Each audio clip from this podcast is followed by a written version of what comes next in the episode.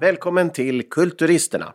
Kulturisterna är programmet där vi resonerar om kultur, framförallt på svenska i Finland, men all kultur är också icke främmande för oss. Och jag heter Henrik Thorsson och är producent och med mig har jag min expert och vän Erik Snellman. Välkommen! Tack så mycket! Och din bakgrund har vi pratat nog om. Eller ska vi säga något om den idag?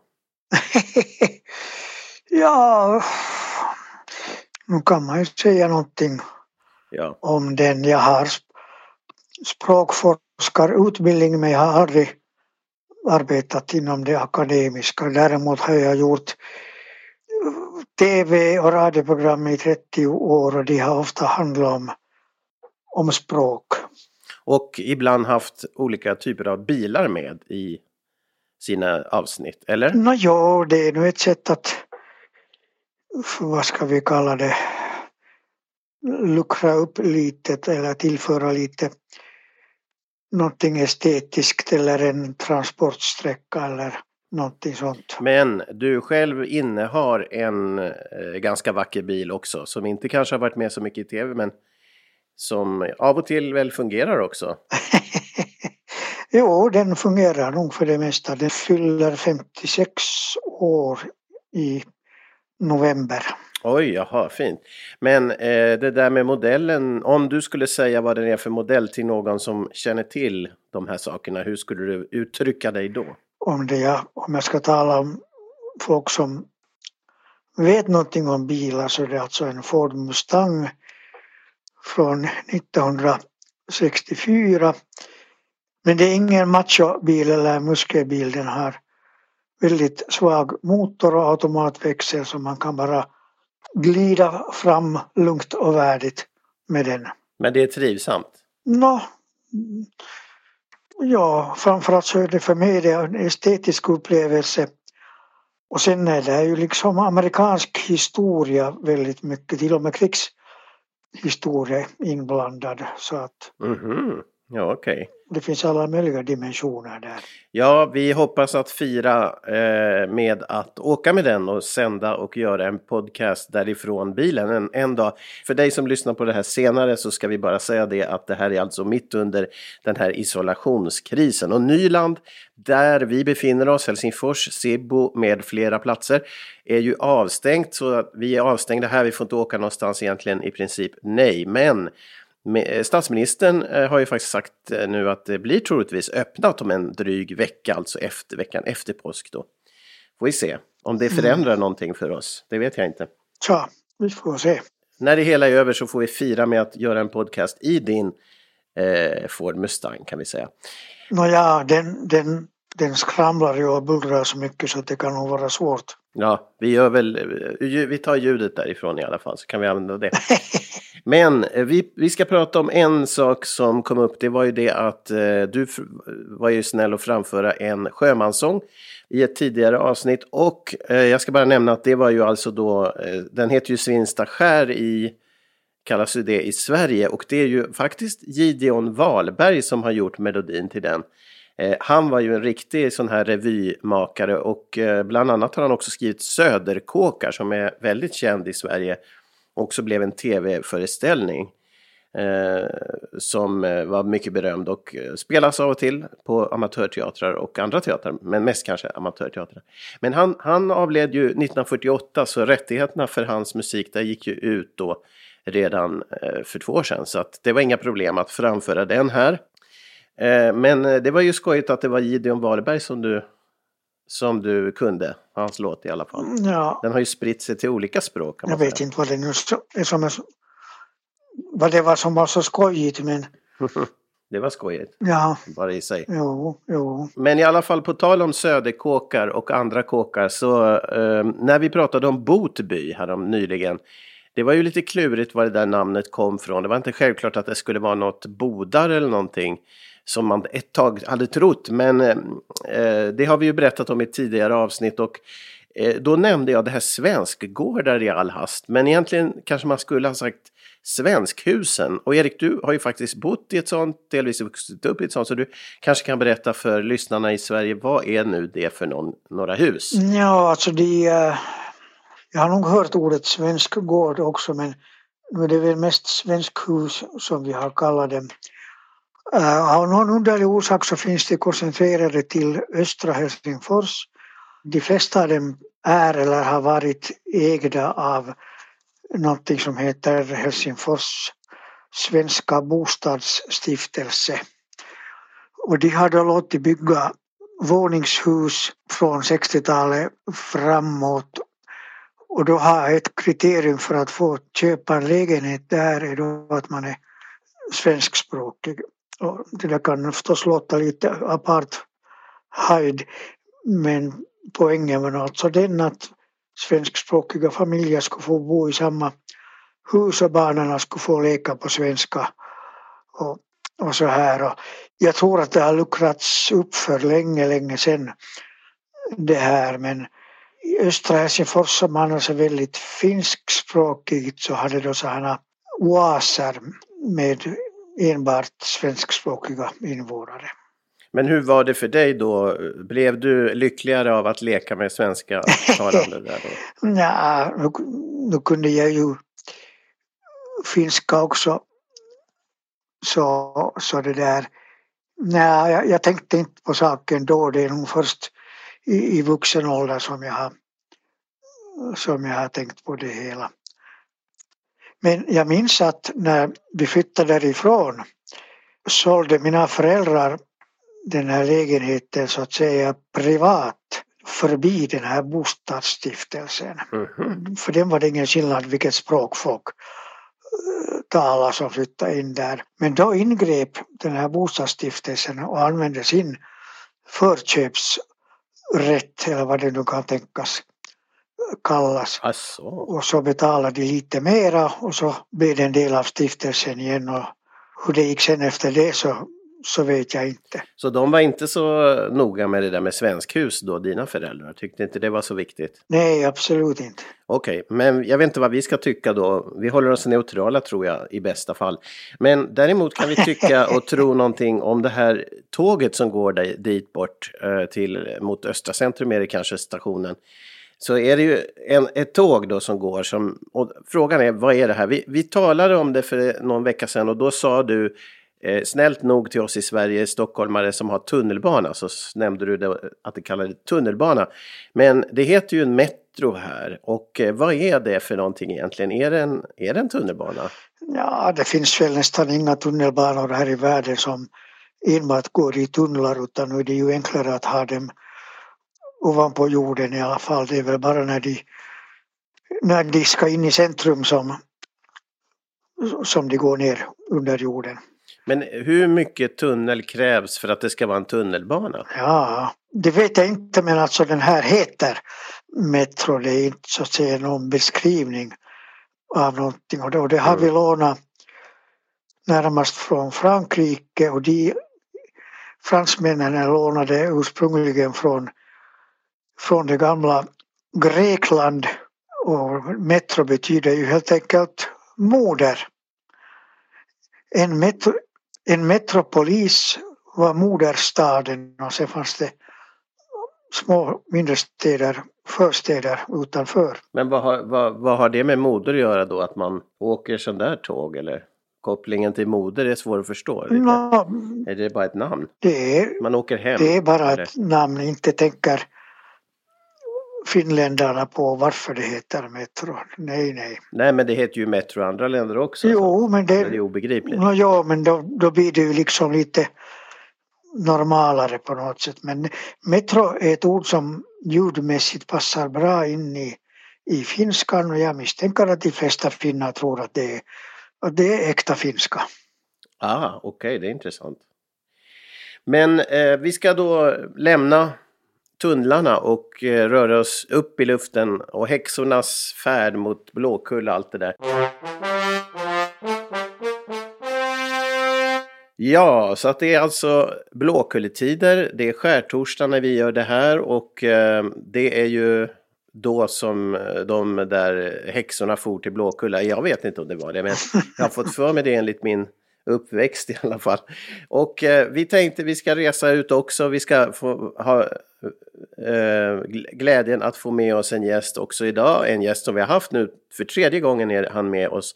Och det är Rico Eklund, skådespelaren på Svenska Teatern som sitter på sin ö ute i skärgården. Rico Eklund, hej och välkommen med!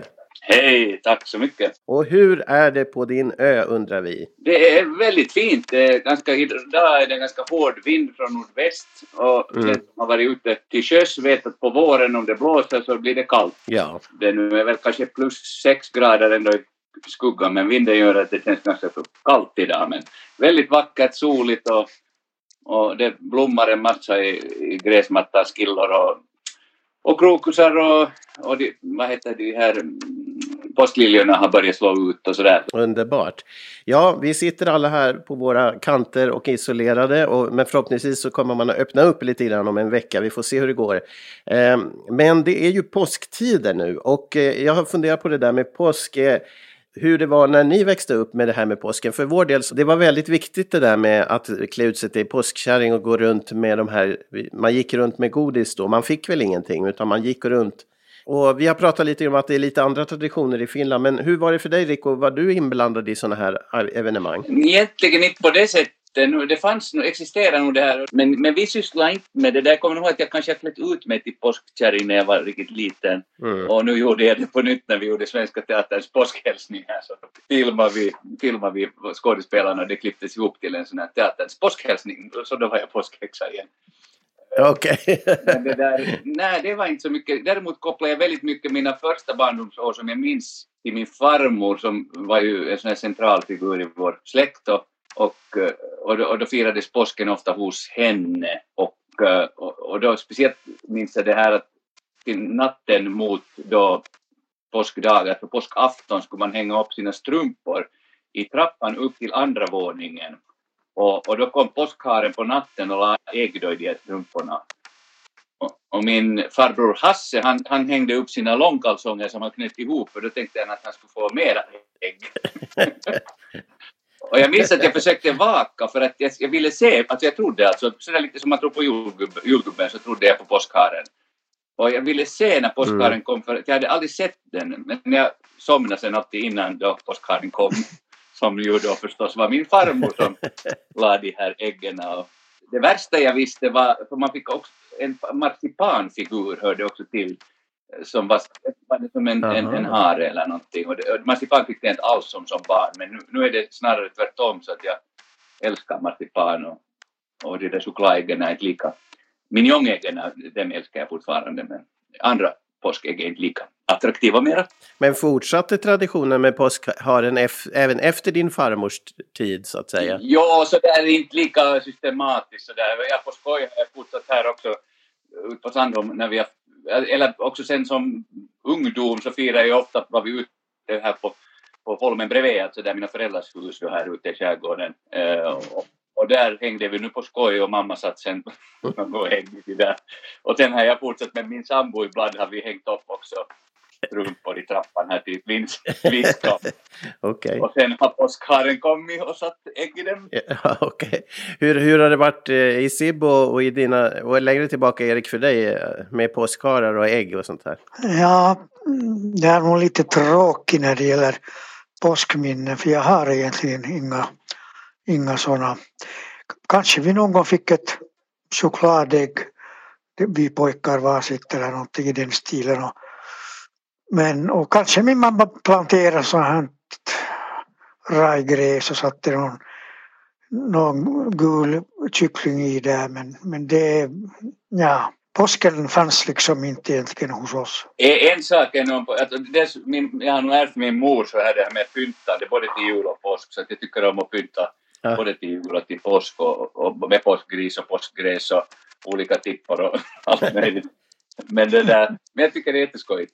En, en sak som hände ihop med påsken, det fanns liksom två, två tråkigaste dagar i året. Och det ena var juldagen och det andra var långfredagen. På, på 70-talet så, alltså mamma var ganska strikt med det. Alltså man, man skulle vara hemma och man skulle vara stilla, och man, även om de inte var speciellt föräldrarna religiösa eller sådär, men, det, men man skulle ändå respektera den där då Kristi lidande på något sätt. Man skulle lida själv också. Och det var, man fick inte ringa till någon man fick inte träffa några kompisar. Det var samma sak, juldagen och långfredagen. Det var de här urtråkiga dagarna i året. Så var det för oss också. Och då, men det var verkligen en allvarlig sak. Tystnad och, och trå, det är den tråkiga dagen fick vi inpräntat i oss. Liksom. Ja. Vi hade inte heller någon, någon sån där kristlig uppväxt, men det, var- det var den dag som var tråkig. Så det är intressant att höra. Att, men hur var det för dig Erik? Hade ni roligt eller tråkigt på långfredagen? Ja, vi hade liksom inget nöjesförbud hemma hos oss eftersom vi inte höll på med de där sakerna. Men sen när jag blev lite äldre och, och det blev aktuellt att, att eventuellt gå på krogen och så här så tyckte jag nog att det är jätte hemskt det här att, att liksom restaurangerna kunde vara stängda i tre dagar eller någonting i den stilen. Det, ja, faktiskt. Men jag menar det var bara för, till för något år sedan som eh, affärerna fortfarande var stängda och jag vet inte hur det var, troligtvis restauranger och så, så det har i alla fall varit mera strikt i Finland än i Sverige. Att det var riktigt avstängt här bara för tre, fyra år sedan, kanske fem år sedan i alla fall. Jag måste säga att jag, jag tyckte på, på ett sätt, alltså kanske inte som barn, men, men någonting fint i det där att allt stannar upp alltså Mm. eh, en dag. Alltså, inte det är så, så farligt, men, men det där. Nu är det som till exempel julen, är det så där att det, om man pratar vad gjorde ni under julen? Det betyder alltså vad gjorde du på julafton? Mm. i praktiken egentligen. När julen egentligen börjar på julafton och håller på till 20 Knut. Alltså det, man, man, det komprimerats till en, en kväll egentligen. Och, och påsken är väl sådär att det är liksom också påskafton eller jag vet inte rätt. Mm, det blir lite hysteriskt på ett sätt. Men när det gäller olika saker man äter och dricker och det här med julmust och påskmust har jag funderat på lite grann. Eh, alltså påskmust, har det alltid funnits hos er här Nej, nej, det Finland? där är något svenskt det där med must. Ja, just det. Från Men- Sverige. Must, Nej, det finns Nej. vi i Finland men det, det kan man dricka när som helst. Ja, Ja. och i den mån det är förknippat med, med någon högtid så är det väl snarast julen då i så fall. Men det julmust har ni haft längre tid än ni haft påskmust, eller? Ja, Jo, Alltså, jag, känner, jag känner ju till det, men jag känner det mer som ett svenskt fenomen än, alltså från Mm. Sverige än, än alltså från Finland. Okej, så ni hade inte det i era uppväxter och så här? Nej. Julmust var inte? Nej. Nej. okej. Men vad säger Erik, ordet must? Mm, jo no det kommer via, troligen via tyskan från latinen på ett eller annat sätt och det betydde, det, det lydde ungefär likadant på latin mustus eller mustum och, och det där det betydde nu frisk och färsk och våt. Mm. Ja, det är ju bra om den är våt. Mm. Och sen talar vi om att suga musten ur någon. Mm. Ja, Och det är så, det. Mustigt, alltså det är samma då. Ja, mustig, just det. Mm. no, ja, Saftigt. så, men urs- ursprungligen hade det nu syftat på någon slags vätska. Ja, julmust, men, men det är inte så där eh, jätteovationer för julmust och påskmust här i Finland känner jag på mig. Men eh, det är ju andra drycker och det här blandar jag hela tiden upp. Jag tror det finns nog i Sverige också, men ni har ju någon dryck på påsken och någon dryck i första maj här, eller valborg menar jag. Eller, eller är det fel nu? Ja, till valborg dricker vi mjöd. Och det är ju, Ja, det är då man dricker mjöd. Ja. Okej. och mjöd är ju då en, en söt dryck som har jäst lite. Alltså, man, jag tror att i Sverige om man säger mjöd så är det många som inte alls vet vad det är eller sen associerar de till kanske vikingarnas någon slags ölliknande mjöd. Men det här är ju inte en sån utan det men till påsk tycker jag att det finns på det sättet någon speciell finländsk dryck som det skulle vara så påskig. Nej, utan är det memma är det då? Memma är, ja, ja, det, det är en annan sak. Ja. Usch. Me, me, Usch. memma är jätte... Jag älskar Ja. memma. Memma är ett missförstånd. Nej, inte alls. Jag tyckte egentligen om memma som barn, men jag, sen här med växande ålder så har jag tyckt om den där. Och, och det ska vara mycket grädde och mycket socker. Så då blir det bra och inte så stora mängder heller utan jag läste just någonstans Juha Mieto, vår stora skidkung, Mm. att han, det kallas för en riva, alltså den där asken med memma. För en riva. Mm. Han äter då 40 rivor memma alltid till påsk. 40. Va? Ja, men det är då Hoho. fördelat på många dagar men det där. Men det är ju något sädeslag och som har stått och sen hit och dit. det är alltså malt och rågmjöl Mm. och vatten och lite salt och, och sirap. En riktigt traditionell eh, lyxrätt och, eller, eller efterrätt eller vad man ska säga. Som, När min farmor studerade engelska i London 1911 och 13 så, så fick hon tillsänt memma dit. eh, och, och då var, det tog det så pass lång tid så den var alltså täckt med, med mögel när den nådde. Så, så tog man bort mögel och så åt man och då tyckte hennes landlady How can you eat this arctic mud? Mm. Ja. Arctic Mud, det var fint. Okej, vi återgår till geografin igen. Och eh, förra avsnittet när vi träffade Erik och så nämnde du två ställen. Det var Borstö och sen Nötö. Eh, och det ska ju vara intressant att höra lite mer om. Först och främst, är det nära till eh, där du befinner dig? De där? Jo, jag befinner mig på, samma sätt som jag befinner mig ganska exakt mittemellan Helsingfors och Stockholm så ligger jag nästan mittemellan Borstö och Nötö. Mm. Nötö ligger nord, eh, lite nordväst härifrån och Borstö då eh, lite sydost. Borstö är liksom ytterst, Aha. den bortersta ön. Det är väl en, en tolkning att det kommer från det Borstö. Men du sa att Nöte var ganska känt. Att många känner Ja, till det. ända till början av, eller till och med flera tiotals år in på 1900-talet var det Nagus största by. Fast det alltså är då ute i, inte ute med mellanskärgården. Mm. Så det var många, många hus och bodde över, som mest över 200 personer på Nötö. Ah, ja, okej. Men vad har vi att säga om de här namnen då, Erik? Eh, Vad kommer, är det Bortre ön och det ena eller? Mm, ja, det där med bortersta ön så det tror jag nu inte riktigt på. Men inte kan jag ju bevisa heller att det inte är så. Men Borste Borstö är ju närmast nu för tiden känt för Borstegumman som då inte har någonting att göra med själva namnet på, på, på holmen utan för att hon är väl en galjonsfigur som flöt i land där någon gång på 1700-talet och sen ställde man upp henne högst uppe på ön och hon har faktiskt fungerat som, som ett, ett så här landmärke sen dess så hon är riktigt sympatisk. Uh, professor Lars Huldén anser att detta Borstö har någonting att göra med förnamnet Borgsten. Någon slags kort form av, av det. Men eh, och ett sådant namn har funnits i, inom det svenska språkområdet men han medger också i samma veva att det nog inte har funnits i de här trakterna utan närmast i södra Sverige. Men ingenting är omöjligt och, och det, där, det här är nog hans åsikt. Sen har man också framfört en sån åsikt att det skulle ha någonting att göra med någon växt som på något sätt kan uppfattas som borstig.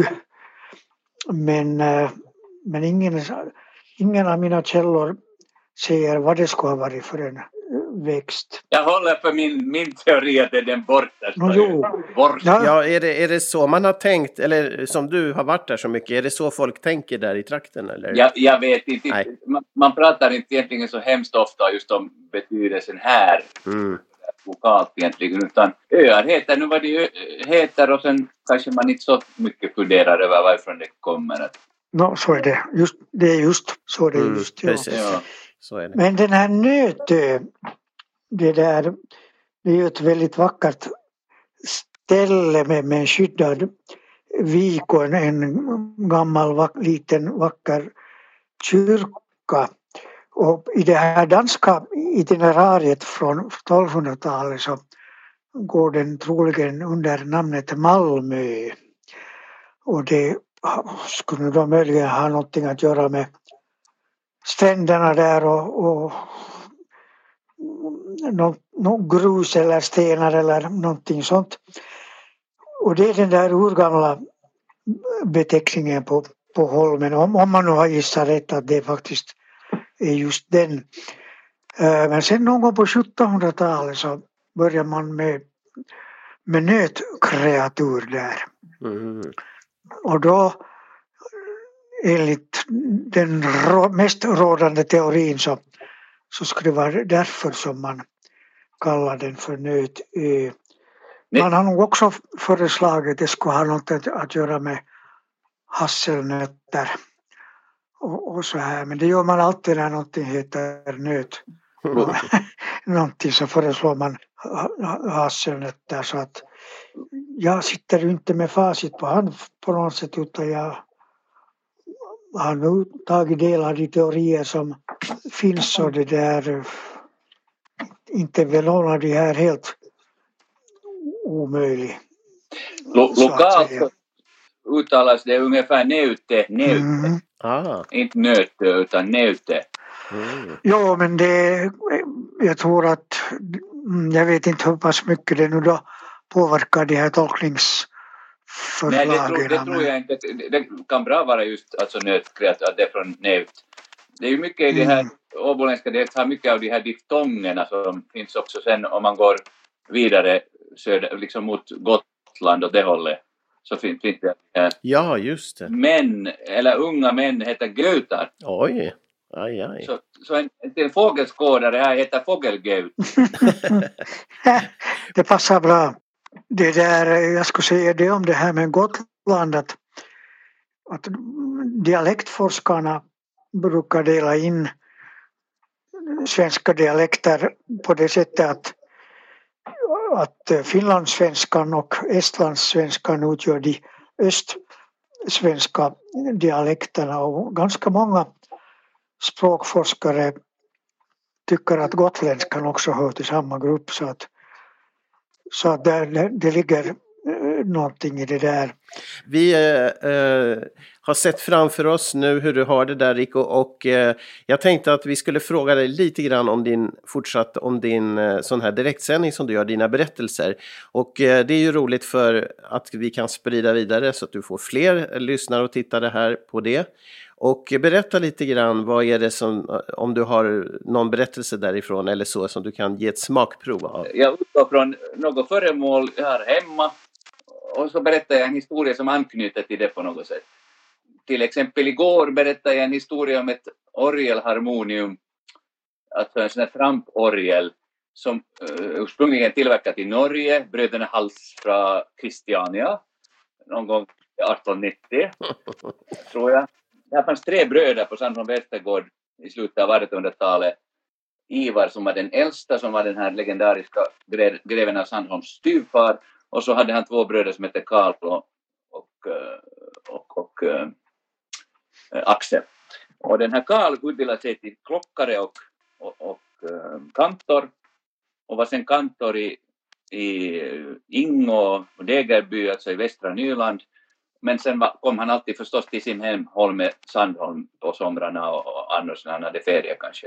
Och då hämtade han kanske någon gång på 30-talet den här tramporgeln hit. Mm. Sen, när han dog på 50-talet så fick, då hans eh, brors styvbarnbarn det, ärva den här Anna-Lisa hette hon och, och jag minns den att den stod i en bod som, som kallas för horhus, en lång historia varför det heter så men, men, men där stod den och jag har själv lite försökt trampa på den när jag var riktigt liten, på, alltså medel av 70-talet när jag var hit här första gången och, eh, och sen var det en seglare som hette John Hongelin från Esbo som, som uh, var kommodor för Sjöbjörnarna och han blev förtjust i den där och, och tror jag mot en flaska brännvin eller någonting så fick han köpa den där tramporgeln. Var alldeles jättetrasig och sådär. Och så åkte den då iväg någon gång kanske 77 härifrån. Och när jag sen 94 fick ärva den här Västergård Lillstu så, så kom jag ihåg den där från min barndom att, att aj, det var, det var så fin den där att tänk om det skulle vara roligt att få tillbaka den. Tänk om jag skulle ringa till honom. Jag kände inte honom bra alls men jag hade någon träffat honom. Och, no, sen såg jag plötsligt att hans dödsannons, han var en gammal man och hade, hade dött och jag tänkte att jag kan inte ringa till honom nu. Eller till hans barn nu när han just har dött att jag vill ha den där tramporgeln. Sen hände det sig faktiskt så att skulle det ha varit bara någon vecka efter den där dödsannonsen så ringer hans son i pausen av Mamma Mia på Svenska Teatern och så, och så det där sa han att ja, du vet säkert inte att det fanns en gång i tiden en tramporgel på Sandholm. Och så sa jag, jo, jag vet nog det. Jo, att vi har tänkt här med min syster att det skulle vara så fint om den skulle få komma tillbaka dit, att är du intresserad? Och då sa jag att det hade precis det vad jag hade tänkt fråga. Nu du behöver du inte fråga att om du, om du vill ha den så kom efter den imorgon. Och, så åkte jag efter den, jag tror det var faktiskt nästan följande dag. Och lyckligtvis var den inte så stor så den rymdes i min bil och, och sen följande jul hämtade jag ut den hit och vi kunde spela på den här på julafton sen. Okej, och kan man då se den också i din film där? Det kan man, ja. Jag spelar en liten stump på den till och med. Ja. Vi hoppas att du får en riktigt skön påsk där ute på ön. Tack. Och tusen tack för att du var med här. Ja, tack. Vad trevligt. Det ordet påsk glömde vi att tala om med Rico, men eh, du har säkert något att säga om det, Erik. Ja, varför heter det påsk?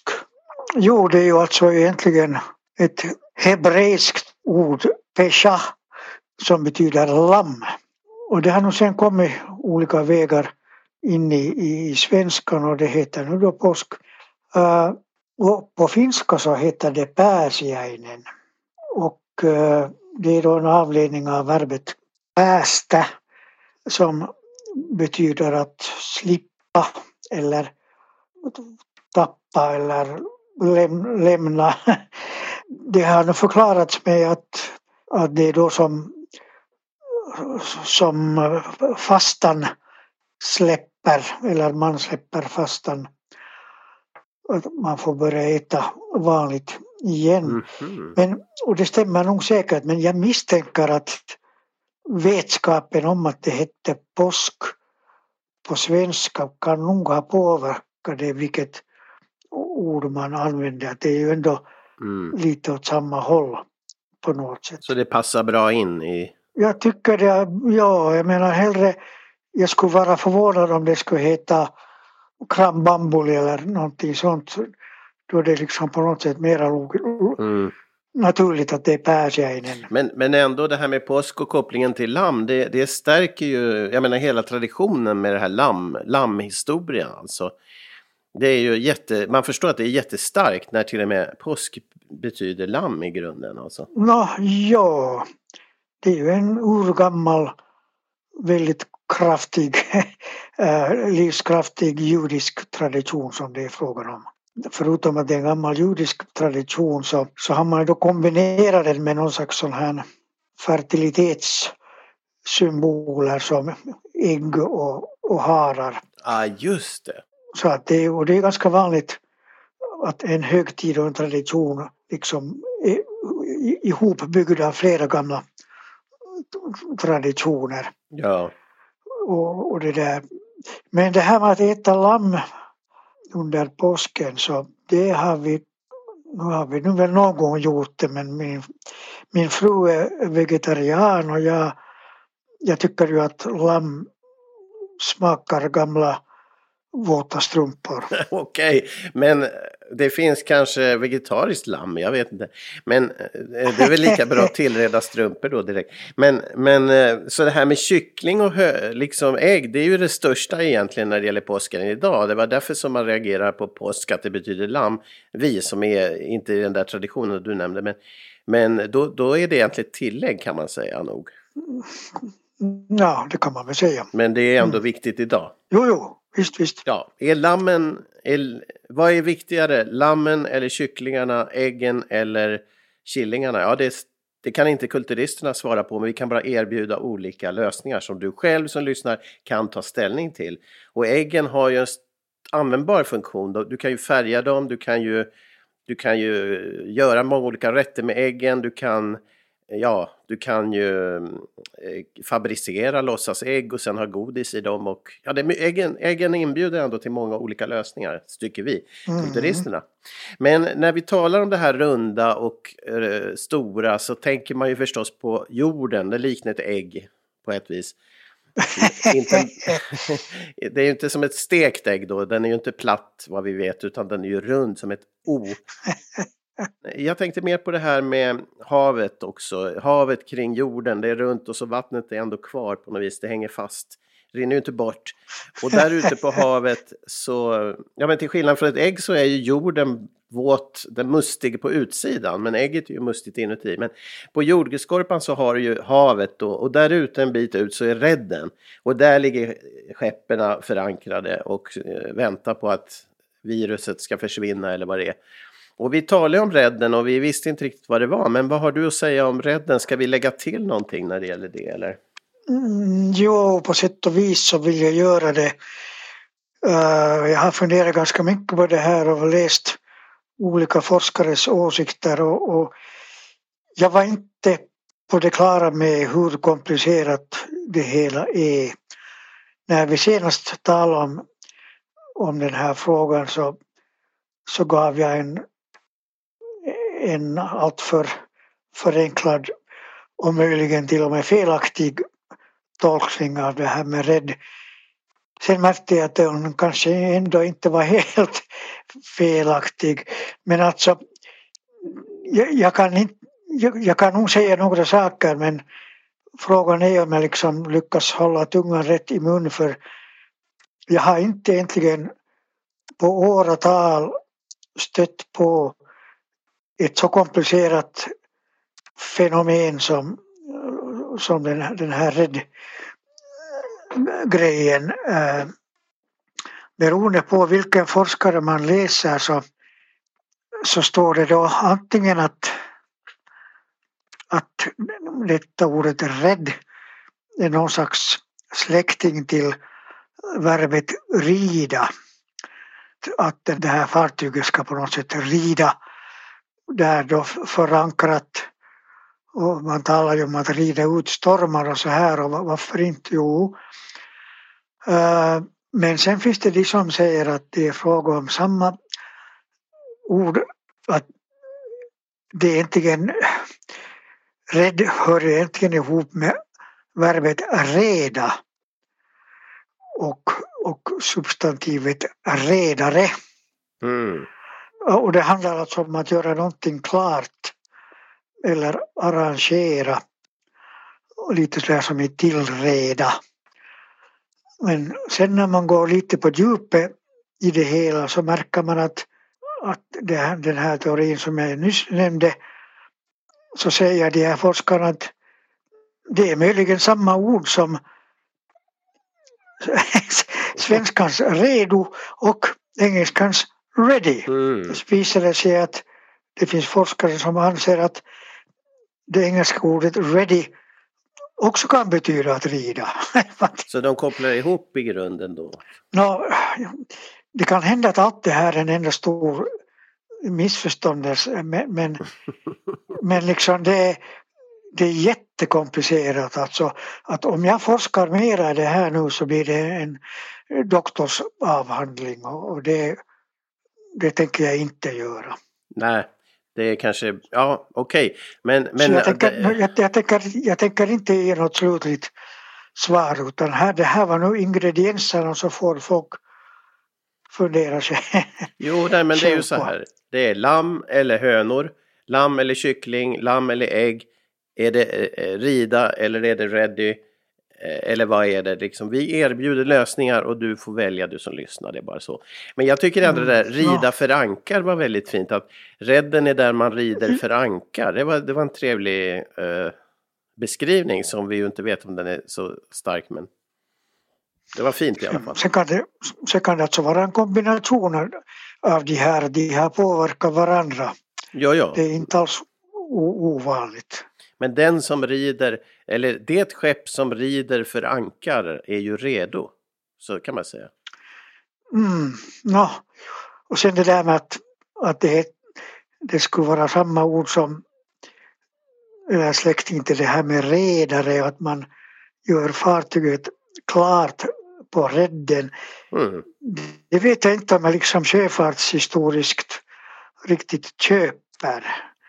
Mm. Det måste ju ha varit jättesvårt att göra ett fartyg seglingsklart och lastat om det är redan ute på havet. Nu gjorde man väl det helst ändå vid kajen så att säga. Men jag menar det kan ju också vara så att vid redden, det var inte bara de som var i karantän som låg vid redden utan det var ju alla skepp. Det var bara det att de som låg i karantän, där fick ju manskapet inte ta sig i land. Så att jag menar, men vissa skepp gick ju in till hamnen också, det är klart det. Ja, de flesta gjorde det väl säkert. Ja. ja. Ja, det var ett jättespännande om, vi kan inte släppa det här med Redden och Reddy och Rida, det får vi återkomma till. Ehm, Nej, vi kan mycket väl släppa det. Nej, det går inte. Kulturister kan inte göra det. Vi, vi eh, naglar oss fast vid varenda kunskap och fortsätter med den i ev evigheter. Men, eh, och en sådan sak är ju det här med doktorer och värjor i Finland, att man ska ha det. Och vi hade pratat om Maria som var med oss i tidigare avsnitt, Maria Fremer, om, om det här med språk var det hon talade om också och hon jobbar ju med det. Men vi undrade ju om hon hade haft en värja när hon blev doktor för att hon skulle ju då kunna försvara språket på ett väldigt spetsigt sätt. Men hon berättade sen när jag frågade henne att nej, hon eh, avstod faktiskt. Jag tror hon avstod hela den här högtidligheten alltså. Eh, åtminstone så hade hon Oj. ingen värja och ingen sån här fin eh, dräkt och allt vad det är som man ska ha. Så att eh, hatt och värja är det väl en hög hatt. Så att hon avstod de sakerna men eh, tyckte att eh, det gick bra ändå. Och hon är duktig i alla fall. Eh, så då fick vi det klarlagt. Jo, säkert. Men eh, det kvarstår för oss som ännu inte är doktorer att få det valet i alla fall. Värja eller inte värja. Lamm eller ägg redo eller rida? Ja, frågan är öppen. Men Folk, eh, Folkhälsomyndigheten heter en myndighet i Sverige som jag ska nämna. Den har ju avknoppats från Socialstyrelsen. Och de, man ser ju dem eh, ofta nu, det är de som framträder mest här med deras eh, chefsläkare eh, som är väldigt eh, känd nu och eh, jag ska bara nämna att vi talar om Rexed, han som kom med du-reformen en gång i tiden eh, i Sverige och som sen flyttade hit till Helsingfors. Han, hade ju, han var ju chef för någonting som hette, hette Medicinalverket och som gick upp i Socialstyrelsen. Och vi var inte tydliga där med att sen har det ju alltså avknoppats igen en liknande grej, nämligen Folkhälsomyndigheten som nu är den som håller många presskonferenser kring viruset. Ja, men vi ska fortsätta nu och eh, avsluta det här avsnittet med Dagens by i Helsingfors. Och nu har turen kommit till ett väldigt udda namn, nämligen Oggelby. Okej. På eh, svenska har man försökt förklara Oggelby som eh, äh, Åkulla by, det vill säga ungefär byn vid en kulle vid ån. Och där går alltså Vanda å som är den största ån i, i, i trakten. Man har också försökt förklara det som Ågloby. Glo är alltså en vattensamling helt enkelt. Mm -hmm. Och, eh, och någon gång för hundra år sedan så var folk övertygade om att det här Oggel i själva verket är ett missförstått Uggel. Mm. Att det skulle vara Uggelbyn. Och man gav till och med ut på 1920-talet en tidning som hette Ugglebladet. Oj. Jag ska väl säga det att på finska har den då fått namnet eller har möjligen alltid haft namnet Oulunkylä. Och kylä betyder by och Oulu brukar betyda flödesvatten ovanpå isen. Och det är ju helt möjligt eftersom där är, det är ganska låglänt där överhuvudtaget och där finns ju mycket vatten. Så, och finnarna kopplar det ihop då med staden Oulu där långt norrut. Svenska heter Uleåborg och, och detta Uleå har man nu aldrig försökt förklara som svenska utan där har man alltså accepterat att, att det är nog det här Oulu flödesvatten som, är, som ligger bakom. Och de här synsätten när det gäller den här Roggelby så de, de möts inte riktigt kan man väl säga. Men äh, jag tror personligen mera på den här finska versionen än på någon av de här svenska något krystade versionerna. Så var finns den någonstans? Var ligger den? Nå, no, alltså man om man beger sig från stadskärnan norrut så det var, vad, vad kan det vara, sju kilometer eller någonting sånt norrut. Och längs med Vandaå, det är ju ett sätt att bekanta sig med den även om man inte kan åka båt in i Vandaå för att eh, där är sådana konstgjorda forsar och, och, och saker. Mm. Ja just det, bra. Och eh, förra gången var det ju Kottby eh, som ligger norrut och nu är det då fråga om Oggelby i dagens berättelse om de 30 byarna i Helsingfors, eller alla byar som sen blev stadsdelar. Eh, jaha, och eh, vad för slags eh, by eller stadsdel är det idag skulle du säga? Är det, då... det är så här villastad. Är det finskspråkigt, svenskspråkigt eller hur? Är det? No, I dagens läge så är det ju nog mer eller mindre totalt finskspråkigt men på 1920-talet var det faktiskt en självständig kommun och då fanns det väldigt mycket svenskspråkiga. Som sagt så heter stadsdelen idag Oulunkylä på finska formellt sett.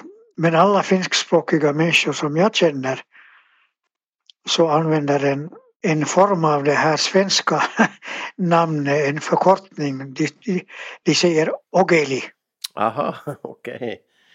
Och, och, utan, att veta om, utan att veta om att det egentligen är svenska. Nej, just det. Jag har gjort, jag har gjort gallupar där för tv och fråg, frågar folk på gatan om de vet varför man säger Ogeli. Och där finns ett stort köpcentrum som heter Ogeli och, många små affärer har det här namnet Ogeli mm. i, i sig. Men som sagt finnarna vet inte om att det är svenska. Ja, intressant. Eh, vi frågar oss om man ska ha lamm eller ägg till påsken. Vad är liksom det passande? Och dagens ortnamn i Helsingfors, det passar väl också till påsken? Man skulle kunna tänka sig att det har med med ägg att göra? Skulle du säga att det kunde vara en förklaring också? Oggelby, Äggelby? Nej, det tror jag inte på. Nej. Men det är i alla fall ett namn som passar bra på påsken. och här i kulturisternas värld är det påsk jämt, för alltid. I alla fall inom ramen för det här avsnittet som vi gjorde under isolationen i Nyland i Finland.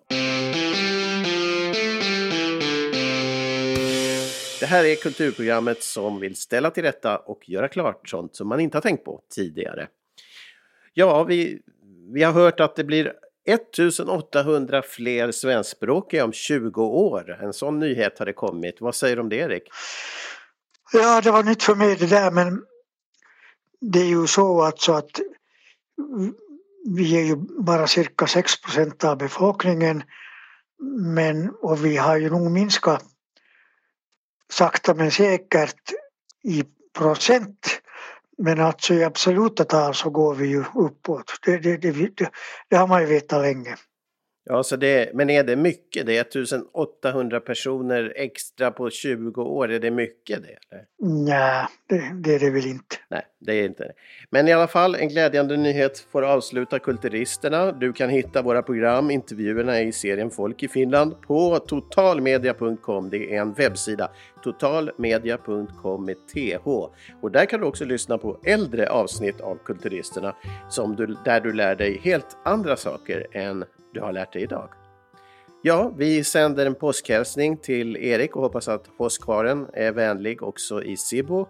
Och ja, lycka till på påsken och tack för din medverkan. Ja, varsågod. Glad påsk. Glad påsk.